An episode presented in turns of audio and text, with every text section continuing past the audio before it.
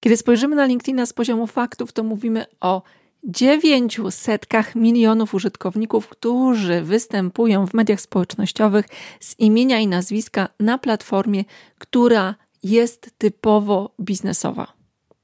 I dzisiaj przyjrzymy się temu z tych faktów, jakie powinny wynikać akty, żeby nasza aktywność na LinkedInie miała w ogóle sens. Przyjrzymy się też mitom, obalę część z nich, a część powiem, że rzeczywiście są prawdą.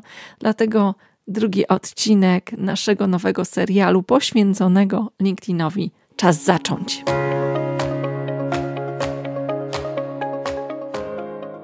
Czuję się totalnie szczęśliwa, mogąc gościć Cię w kolejnym sezonie, tym razem poświęconym LinkedInowi. Kim jestem i dlaczego o tym temacie mówię? Nazywam się Angelika Chimkowska i jestem strateżką silnych marek osobistych i firmowych. W temacie LinkedIna napisałam dwie książki i w tym sezonie chcę z Tobą podzielić się krok po kroku wiedzą właśnie dotyczącym LinkedIna. W czym jeszcze się specjalizuję? W personal brandingu i social sellingu, dlatego jeżeli ten temat jest dla Ciebie ważny, odwiedź mój podcast, bo tam są poszczególne sezony poświęcone temu tematowi. A teraz już zaczynamy.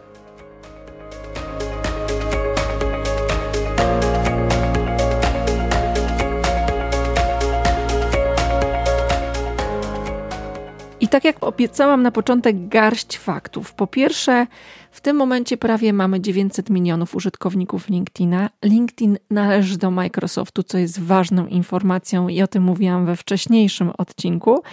57% użytkowników to mężczyźni, 43% to kobiety, a ponad 60% użytkowników ma wiek 25 do 34 lata. A jak to wygląda w Polsce? W Polsce mamy już prawie, może na ten moment, kiedy to mówię, ponad 5 milionów użytkowników.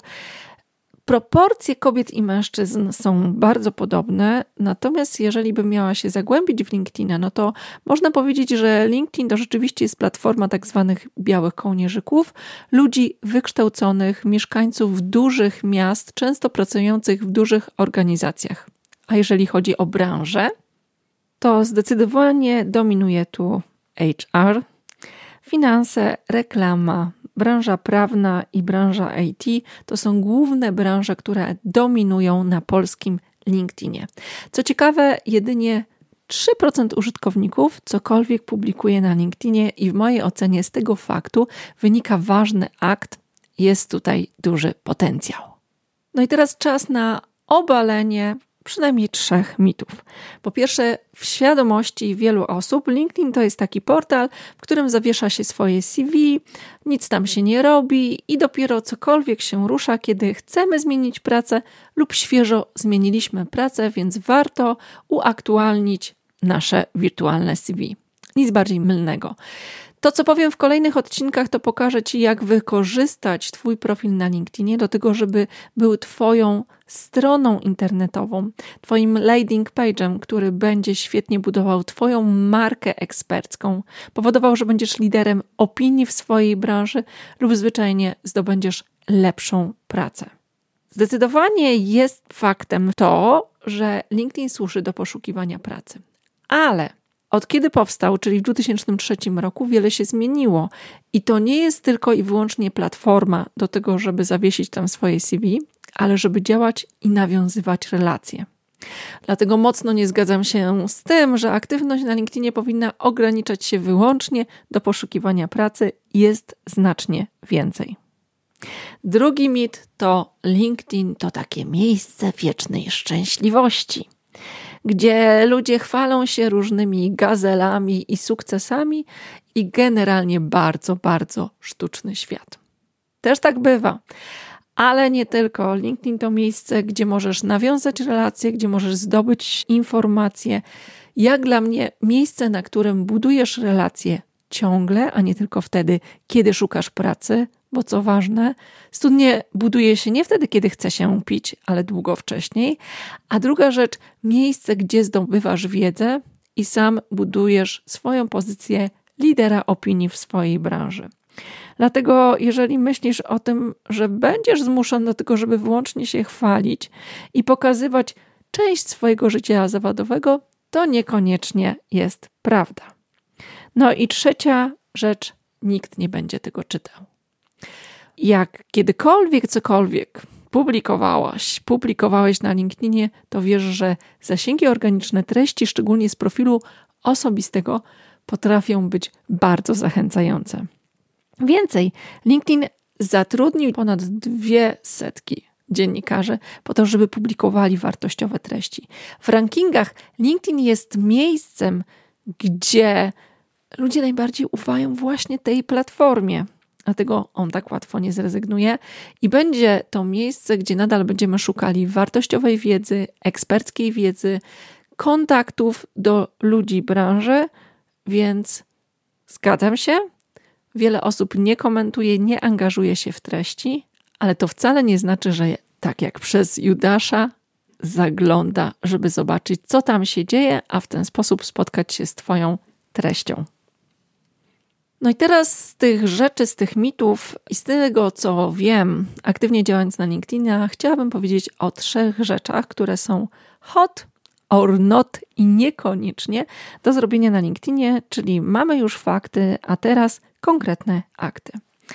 Po pierwsze, PDF i karuzele w PDF-ach. To jest coś, co jest obecnie hot na LinkedInie, mocno zdominowało content i coś, co niekoniecznie mi się podoba, dlatego że w wielu przypadkach musisz przeklikać wiele, wiele stron tego PDF-a po to, żeby nakręcić komuś zasięg, po to, żeby dostać jedną wartościową rzecz. Mi się to osobiście nie podoba i myślę, że w długoterminowej perspektywie to nie będzie dobre rozwiązanie. Natomiast jeżeli potrafisz robić fajne karuzele, to to jest teraz temat hot właśnie na LinkedInie. Druga rzecz to hasztagi. Hasztagi dominują od jakiegoś czasu. Hasztagi to jest Twój sposób na to, żeby dać się ludziom skojarzyć z konkretnym tematem, być ekspertem czy liderem opinii, a z drugiej strony śledzić po to, żeby zdobywać wiedzę i być na bieżąco z tymi, którzy ekspertami są w tej dziedzinie, na przykład w innych krajach czy totalnie na innych kontynentach. No i trzecia rzecz, która jest hot, to jest wideo w profilu. I uważam, że nic tak nie buduje zaufania jak wideo, gdzie mogę spojrzeć człowiekowi prosto w oczy, zobaczyć, czy ja mogę mu zaufać i w ten sposób szybko zbudować zaufanie, a dzięki temu skrócić cały proces zakupowy, a będzie on szybki i ktoś kupi albo szybko zrezygnuje, co w mojej ocenie pod każdym względem jest korzyścią. No i co według mnie nie jest takim czymś, co warto robić. Po pierwsze, nakładka od Open to Work. Jeżeli szukasz pracy na LinkedInie, nie polecam z niej korzystać, dlatego że uważam, że ona pokazuje pewną desperację, a nie determinację. Jeżeli chcesz pokazać swoją determinację, to zdecydowanie po prostu zrób taki profil, że Twój potencjalny pracodawca lub rekruter będzie chciał się z Tobą skontaktować. No i druga rzecz, grupy na LinkedInie nie działają, nic tam się nie dzieje. LinkedIn nie wysyła powiadomienia o tym, co się dzieje w grupie i nie wygląda na to, żeby cokolwiek miało się zmienić. I trzecia rzecz, zaproszenie do śledzenia strony firmowej. Jeżeli nie masz kontentu, który powoduje, że ludzie chcą wchodzić na Twoją stronę, po prostu tego nie rób, bo jest to zwyczajnie nieskuteczne i irytujące.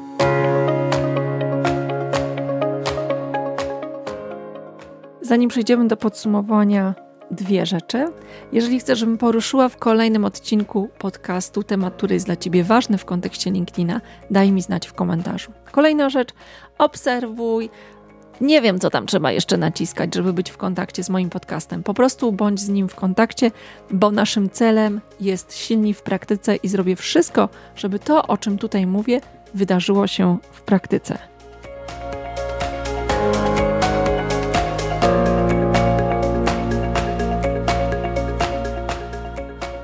No i podsumowując, ze statystyk LinkedIna wynikają ciekawe fakty, które mogą być użyteczne dla Twojej branży. I jeżeli chcesz budować swoją pozycję lidera opinii, jeżeli chcesz organicznie docierać do swoich potencjalnych klientów poprzez swój profil osobisty lub reklamować się i działać na profilu firmowym, szczególnie w branży B2B, szczególnie w branżach sprzedających wiedzę lub opartych o wiedzę, usługach różnego typu, to LinkedIn jest zdecydowanie miejscem dla Ciebie, dlatego nie zawahaj się go użyć i zacznij działać.